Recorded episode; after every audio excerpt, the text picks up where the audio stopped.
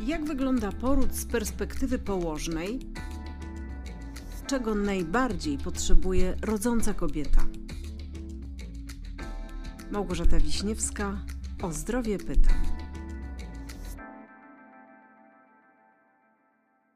Przede mną siedzi położna, która od ponad 30 lat towarzyszy rodzinom w jednym z najważniejszych wydarzeń w życiu.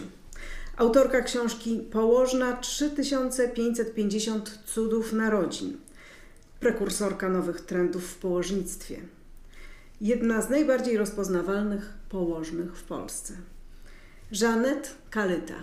Pani imię i nazwisko od zawsze, odkąd pa, o Pani słyszałam, a słyszałam już w latach 90., jak rodziłam swoje dzieci, zawsze mnie pobudzały moją wyobraźnię. Skąd, mm -hmm. skąd to imię? Takie trochę niepolskie. E, no tak, imię jest niepolskie. E, zdarzało się, że mm, kobiety e, dzwoniły, szukały francuskiej położnej. Jak najbardziej mam korzenie polskie. Mm, mam dwie starsze siostry, są dużo starsze, bo miały 18 i 15 lat, jak się urodziłam. No i postanowiły nadać mi takie imię i tak zostało. I na początku było sporo z tym kłopotów, ale teraz przynajmniej jestem rozpoznawalna, że coś robię dla kobiet i e, jakoś po samym imieniu już wiadomo o co chodzi, że będzie o położnictwie.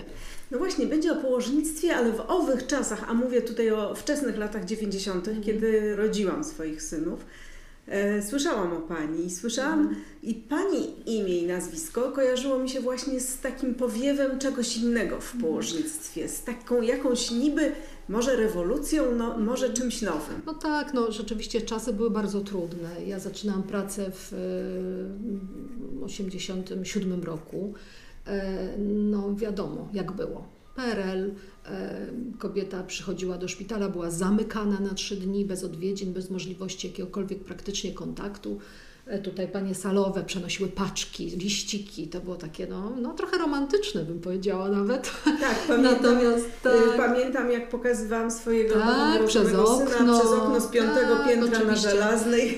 I nagle się okazało, że, y, że można inaczej, że z zachodu przyszedł jakiś nowy powiew a chyba zaczęło się to chyba od olimpiady położniczej, bo miałam taki temat, do którego się przygotowywałam, e, czy dziecko po porodzie można położyć na brzuchu matki i dlaczego. I to był taki temat, który po prostu no, wszystkich zadziwił, a ja byłam przygotowana, bo czytałam już książkę Fryderyka Lebojera Narodziny bez przemocy. E, ta książka mnie wzruszała, no niejednokrotnie do niej wracałam, no bo to było coś, czego u nas nie było w ogóle, że jak to dziecko na brzuchu, na brudną kobietę, położyć dziecko. Przecież e, w momencie, kiedy dziecko zostało oddzielane od matki, powiedziałam celowo to słowo oddzielane, ono było zabierane, ważone.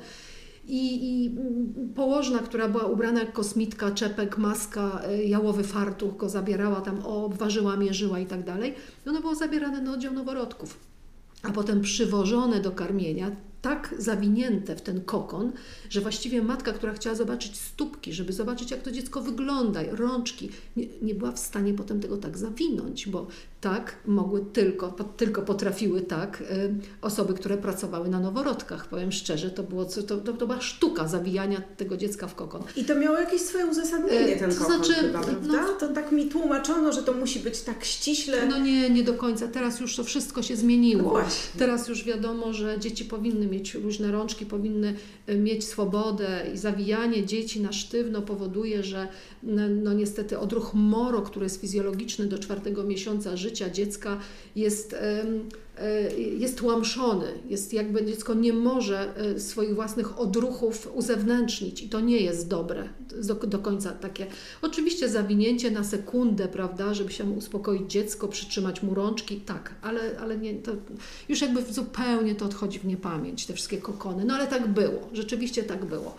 No i jakby jak zaczęłam pracę, no to się zastanawiałam, może by coś zacząć wprowadzać z tego powiewu nowego, tam z Francji, z A zaczynała Pani pracę w, kiedy? w 87 roku. Aha. Czyli no, mm, za moment już będzie 35 lat. E, także w przyszłym roku jak zwykle impreza.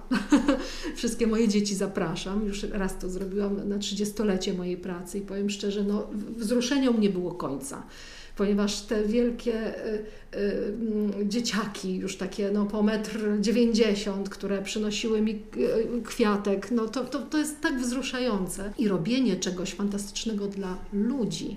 E, uczestniczenie w tym ważnym dla nich momencie w życiu, y, niezwykłym momencie, nieważne czy to pierwszy poród, czy czwarty, wszystko jedno, ale to jest taki moment zatrzymania. Panowie nie idą do pracy, jest jakieś tam święto, prawda, w domu, więc y, to ludzi zatrzymuje. A teraz jest mało takich rzeczy w życiu, które zatrzymują. A poród jest w stanie zatrzymać człowieka na chwilę. No i my, położne, uczestniczymy w tej chwili, to jest super. Jak Pani zaczęła to zmieniać? Bo Pani musiała coś zacząć takiego chyba od siebie e, też to, robić. No to zmiany są zawsze od siebie, bo jak próbujemy zmieniać innych, no to niestety nam to nie wychodzi. E, tak, próbowałam. To było w szpitalu Orłowskiego. Tam próbowałam, próbowałam różne rzeczy robić. E, właśnie kłaść dzieci na brzuchu, czekać z, czekać z mm, odcięciem pępowiny i tak dalej. Także tam jakby takie pierwsze kroki stawiałam. Ale reakcja nie była. To znaczy, no reakcja no, nie była taka, no bo to jest normalne, że jak się coś wprowadza nowego, natomiast jakby mam, miałam swoje uzasadnienie na te, na te wykonywane czynności, znaczy moje, no nie moje, tylko poparte już i badaniami i, i różnymi opracowaniami, tekstami, książkami, które, no na zachodzie tak było. Do nas docierają rzeczy po 40 latach różne nowości. Ja już się przekonałam o tym, bo jak w latach 90., jak y, zaczęłam pracować w Ewie 2 w takim prywatnym miejscu, a lata 90., spółki ZOO, to się tak nie bardzo kojarzyło dobrze, y, ale stwierdziłam, że chcę pracować tak jak umiem. I to miejsce y, prywatne, prywatne porody, miejsce, gdzie nie było sali operacyjnej, uwaga, uwaga, E, tylko jakaś tam umowa, wiadomo, też nie spisana ze szpitalem w razie jakby coś. Także to miejsce pozwoliło mi na taką fajną pracę. E, byłam młoda też, e, głowa pełna pomysłów, pełna marzeń. W tym położnictwie po, po kokardę, bo jak coś robię, to staram się to robić od początku do końca, już tak iść na całość. I to mi właśnie, e, to miejsce mi pozwoliło pracować tak, jak umiem, rzeczywiście. E, I co się okazywało, że sobie kwalifikowaliśmy do porodów te kobiety w taki sposób, że e, skoro ona była zdrowa, ciąża była zdrowa, dziecko zakładamy, że zdrowe, no i dobry poród. Ale też to była sytuacja taka emocjonalna, ponieważ w szpitalach było fatalnie kobiety nie chciały tak rodzić, budziła im się świadomość, że można inaczej i przychodziły do nas. I naprawdę przez pięć lat, tam pracowałam pięć lat we Wiedwa, to powiem szczerze, że no, kilka razy odwoziliśmy te kobiety do szpitala z różnych powodów, tak? Więc y, że wiedzieliśmy, że no, ten poród tu no, nie do końca, bo być może to dziecko się źle wstawia główką, że no, być może trzeba było zrobić, będzie zrobić cięcie albo nagle jakaś tachykardia, dziecko prawie 200 tętno, no też nie chcieliśmy kontynuować tego porodu y, u nas. Także chyba z 5 czy 6 razy odwoziliśmy takie, takie kobiety do szpitala, ale to naprawdę jest y, to, to nie mało. Było no właśnie. Na 500 porodów, które tam przyjęłam, to naprawdę nie było dużo. No i, no, i, no i tam się nauczyłam tak naprawdę położnictwa, bo jak się ma salę operacyjną z tyłu za plecami, pracuje się inaczej. I dzisiaj już to wiem. Natomiast jeżeli patrzysz na jedną kobietę, co, co właśnie, to co znaczy, no, bo w położnictwie jest bardzo mało leków. Jest bardzo mało, jest troszkę leków rozkurczowych, no mamy oksytocynę, no i to jest wszystko. Właściwie nie ma leków. Dlaczego nie ma leków? Przecież w innych dziedzinach medycyny jest tyle leków. Dlatego, że to jest proces fizjologiczny. Naturalnie I to jest na zasadzie kostek domina. Jeżeli zaczniemy coś ingerować w ten proces, no to oczywiście dalej robimy z tego poród medyczny. Mówiłyśmy o tym, że, że, tej, że inaczej jest, jak nie ma sali operacyjnej tak. za plecami. No tak, na no czym tak, polega dlatego, No właśnie, na czym e, polega No dlatego, że patrzymy na kobietę, konkretnie jedna położna na jedną kobietę, to jest bardzo też ważne, jeden na jeden. E, patrzymy, jak ona się zachowuje, znamy ją wcześniej, patrzymy, jak sobie radzi, ale w latach 90. kobiety rodziły świetnie, dlatego że one wiedziały, że nie chcą iść do szpitala i one zrobią wszystko, żeby urodzić z nami. Więc one miały pokłady jakiejś nieprawdopodobnej energii i takiej ochoty, przecież nie było znieczuleń w tym miejscu. One rodziły przecież bez znieczulenia. i rodziły świetnie. I po 12-24 godzinach brały dziecko pod pachę i szły do domu. W którymś z wywiadów powiedziała Pani, że poród to jest taki moment, w którym położna musi pracować wszystkimi swoimi zmysłami. Czyli no tak. właśnie powiedziała Pani wcześniej o tym braku różnych środków farmakologicznych, że właściwie nie ma leków, ale jest położna. Tak. I co położna? Jaka jest rola, jaka jest rola położnej? Położna mm, przy takim fizjologicznym porodzie to tak naprawdę jest towarzyszką. E, bo e, ważne jest dla kobiety, zresztą myślę, że od zarania dziejów tak było, że, że kobiety rodziły w towarzystwie kobiet e, były wspierane prawda, przez te kobiety i położna jest taką osobą, która na pewno da wsparcie, na pewno potrzyma za rękę, na pewno rozmasuje kręgosłup, jak kobieta rodzi sama, no chyba, że rodzi z partnerem, to on się zajmuje tymi rzeczami. Natomiast podstawowa zasada jest taka, że kobieta musi czuć się bezpiecznie. Już profesor Odeum o tym mówił, że ważne jest, gdzie ona rodzi, bo ona musi mieć poczucie bezpieczeństwa. Dlatego warto sobie w ciąży zadać to pytanie, co mi to poczucie bezpieczeństwa daje? Czy to ma być ładne miejsce? Czy to ma być położna właśnie, która nie zmieni się, e, e, jak się skończy dyżur, no bo przecież no, kończy się dyżur i czasami w kulminacyjnym momencie e, przychodzi zupełnie inna osoba, o innej energii, o innej osobowości, Czasami bywa, że to jest lepiej, a czasami bywa, że to jest gorzej. E, więc y, stąd y, są też takie dedykacje, czy te usługi okołoporodowe, które polegają na tym, że od początku do końca y, jakby ta położna jest z tą rodzącą, ponieważ ją sobie właśnie e, ta kobieta wybierze. E, no dużo było kontrowersji z tym związanych, ale takie też mam poczucie, że jeżeli możemy mieć swojego masażystę, fryzjera, prawda, i, i, i nie wiem, i kosmetyczkę, to dlaczego nie położną tego osobę, Raz osobę tak, albo kilka, albo kilka taką kilka. bliską osobę, mhm. która, która no, w bardzo intymnej sytuacji jest z nami, prawda? Przecież tam nie dociera ani kosmetyczka, ani fryzjer, ani absolutnie masażysta. To jest tak niezwykła sytuacja wydajemy na świat dziecko i no fajnie by było, żeby mieć do tej położnej zaufanie, bo poród to nie jest taki, taki czas na przepychanki, prawda? Że tutaj coś chciałaby rodząca, a tu położna ma inną koncepcję na ten poród, to, to nie jest ten czas. Także już profesor Odem o tym mówił, że to jest ważne, żeby e, kobieta miała poczucie bezpieczeństwa, no i fajnie, gdyby to poczucie bezpieczeństwa właśnie dawała położna. A druga sprawa, która jest bardzo ciekawa i istotna dla porodu, to profesor wspomniał, że kobiecie powinno być ciepło w stopy w czasie porodu. Czyli zawsze, niezależnie Ciekawe, od pory roku, musi mieć skarpety w torbie, gdzieś tam w walizce, bo e, jak jest jej zimno w stopy, a porodzie są zaburzenia termoregulacji. Może być jej bardzo gorąco w skurczu i bardzo zimno po skurczu.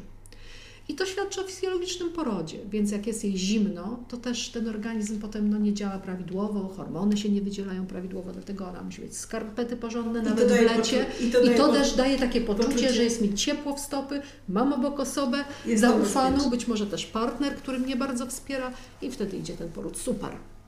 No właśnie, to jest właśnie też ten jeden z elementów, dla którego ta sala operacyjna. Nie zawsze e, jest, jest ważna. Jest tak, ważna, no, no, są też porody w domu. Ja też wiele lat przyjmowałam porody w domu. Teraz tego już nie robię, gdzieś od 10 lat chyba, dlatego że po prostu nie mam na to czasu, bo to wymaga troszkę innej uwagi taki poród i kobiety, no przeważnie położne, które y, się zajmują porodami w domu, to się zajmują tylko porodami w domu i to wtedy ma sens głęboki, że no ona nie musi ze szpitala z dyżuru biec, prawda, na taki poród i kobieta musi mieć też taką świadomość, że ta położna jest dla niej. I że rzeczywiście jak ona zacznie rodzić, to ona nie będzie miała dyżuru w szpitalu, tak, także to, to też jest bardzo istotne. Mówiła Pani właśnie jeszcze, jeszcze o te zmysły chciałam Panią zapytać, bo to, jest, to było dla mnie takie ciekawe że jednak e, będąc, towarzysząc kobiecie w czasie porodu, trzeba być otwartą na wszystkie no tak, no sygnały. Dotykamy jej ręki, tak? czyli już tutaj zmysł dotyku. E, wystarczy, no już teraz mamy takie lata swoje no, dosyć dojrzałe, więc e, jak wielokrotnie się z tym spotykałam, że jeżeli na przykład kobieta dobrze poprze, rodząca, czy, czy nie wiem, czy, czy świetnie sobie radzi, ja ją pogłaszczę po głowie, to ona po prostu otwiera szeroko oczy i po prostu jest taka zdziwiona, dlatego, że właściwie kto ją ostatni raz głaskał po głowie, jak coś dobrze zrobiła? Chyba mama w dzieciństwie. I one po prostu, pióra im rosną na rękach, po prostu mają dreszcze ojej. I to im daje takie, taką niesamowity taki ładunek energetyczny, że je ktoś pochwalił i pogłaskał po głowie, jak takie dziecko.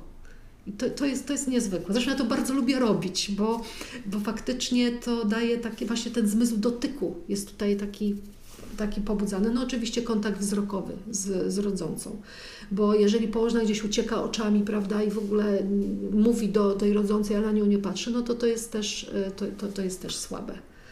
E, natomiast... E, no, Zapach. Mówiła za... Pani też o zapachu kiedyś. Tak, tak. Dlatego zapach, zapach to jest bardzo ciekawa sprawa, ponieważ nie można przesadzić bo często kobiety przynoszą e, ze sobą różne e, na przykład, e, no nie wiem, kadzidełka, olejki, które tam próbują sobie i czasami to jest bardzo intensywne, więc ja bym radziła wcześniej w domu spróbować. Nie, że tylko w internecie jest napisane, że to jest świetne na poród, tylko spróbuj, czy cię nie będzie bolała głowa po tym i ile tego dać w ogóle, kropelek, żeby to miało sens. Bo czasami wchodzimy do takiej sali porodowej i my nie możemy oddechu złapać, więc to nie sądzę, żeby to pomagało jakkolwiek rodzącej. E, ale też e, ja bym to o czymś innym powiedziała. Ja bym powiedziała o takim, związane jest to z poczuciem bezpieczeństwa. Powiedziałabym o tym, że jeżeli na przykład kobieta rodzi z partnerem i jest skurcz i ona się wtula w jego t-shirt na przykład, tak? E, I ona czuje zapach wody, jego perfum, które kupiła mu na gwiazdkę i które uwielbia sama, bo inaczej by nie kupiła, prawda? Spodobał się ten zapach. I to jest taki zapach przyniesiony z domu do szpitala i wtedy, e, i wtedy ona też ma poczucie bezpieczeństwa. To jest bardzo ważne, że ona czuje, że ona czuje, że tak rzeczywiście rzeczywiście no tak pachnie jej mężczyzna i on jest tutaj i ona go może tu trzymać za rękę. Poruszyła Pani temat mężczyzn, to ja też e, zapytam. Mężczyzna przy porodzie e, też, to też nie jest takie oczywiste, mimo że to jest tak, taki tak, trend, tak. żeby kto właśnie powinien, ja bym, a kto nie znaczy ja bym już nie chciała mówić w tej chwili o trendach, bo to się bardzo, bardzo zmieniło. No dlatego, że na początku, kiedy te porody rodzinne były takie modne od lat 90., no to rzeczywiście, mm, jak to nie byłeś przy porodzie, wszyscy twoi koledzy byli, a ty nie byłeś, prawda? Trochę ci głupio, więc on już ten człowiek poszedł. Natomiast w tej chwili mm, to jest inaczej troszeczkę. Już w tej chwili e, ludzie się mocno zastanawiają nad tym e, i przede wszystkim rozmawiają ze sobą uczciwie. I to być może będzie najuczciwiej prowadzona rozmowa w życiu, dlatego że trzeba porozmawiać o swoich obawach, o swoich jakichś niepewnościach co do tego całego procesu, ponieważ nie może tak być, że ktoś jest zmuszany do czegoś. Kobieta widzi dwa paski na teście i ona wie, że on idzie do, z nią do porodu, ale on tego nie wie.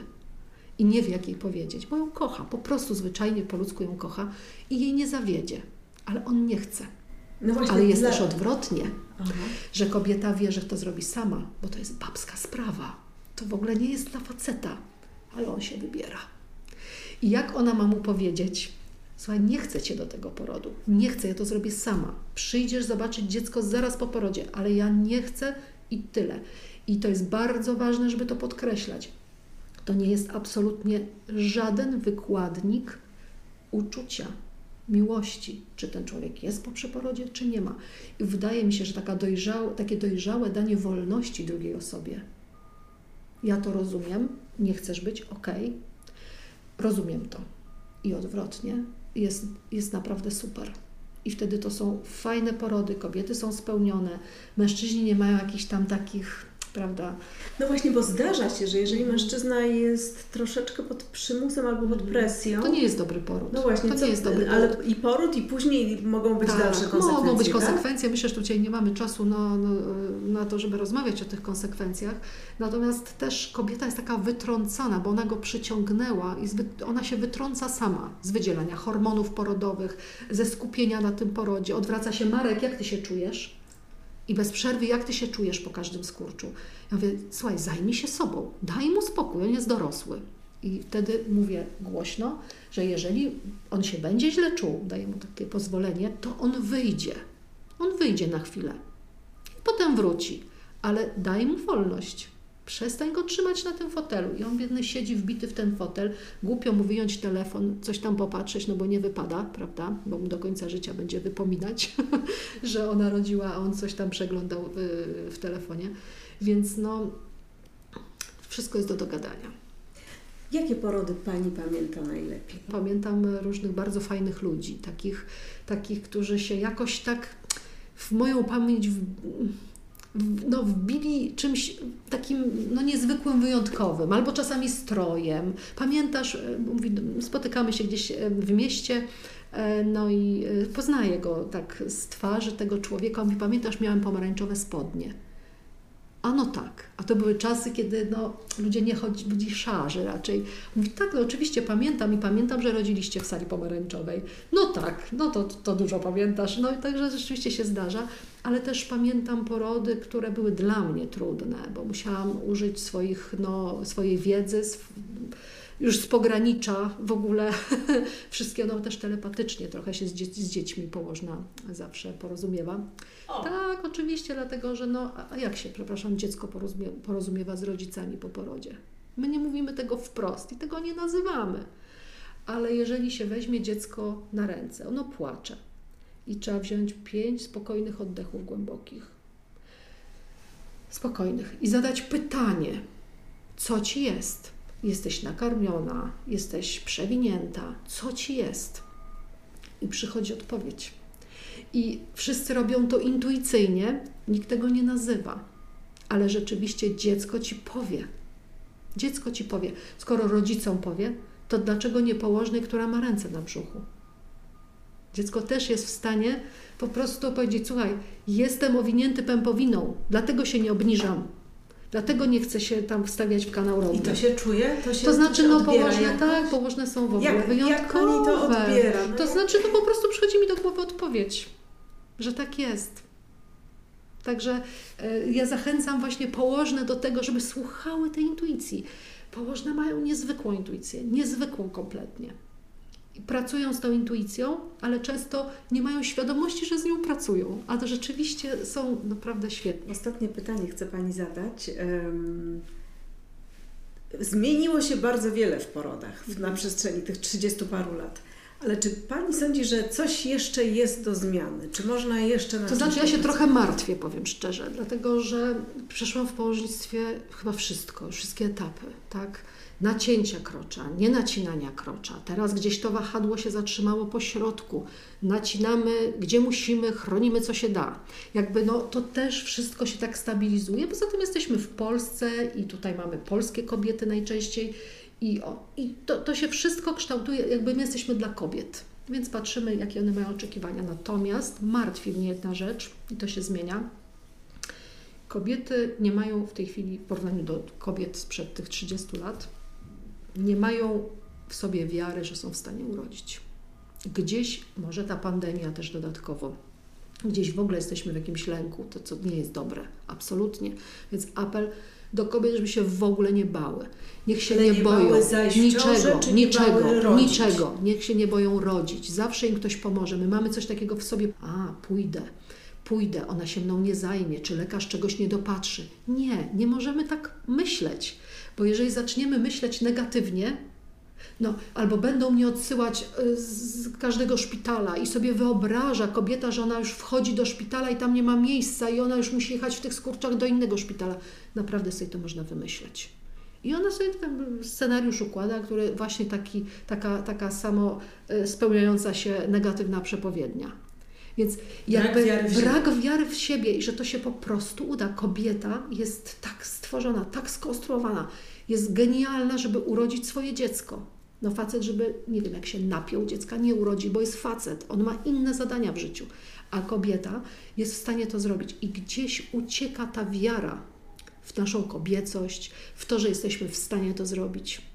Przy jakiejś dyskretnej pomocy położnej, bo położna jest od porodów fizjologicznych.